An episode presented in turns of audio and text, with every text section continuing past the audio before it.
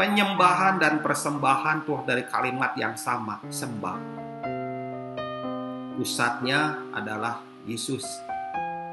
Gereja pusatnya Yesus. Makanya hari ini sangat sedikit gereja yang berpusat pada Yesus.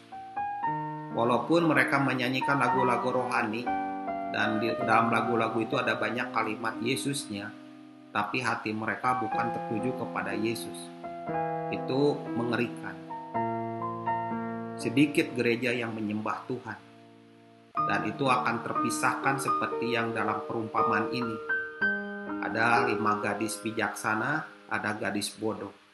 Gereja-gereja hari ini yang tidak punya minyak, yang berpusat pada diri sendiri, yang berpusat pada berkat, berpusat kepada kesuksesan, berpusat kepada kenikmatan, datang hanya untuk menyaksikan apa yang ada di mimbar, yang ada di panggung, maka gereja-gereja seperti ini adalah gereja-gereja duniawi yang gak kenal Tuhan,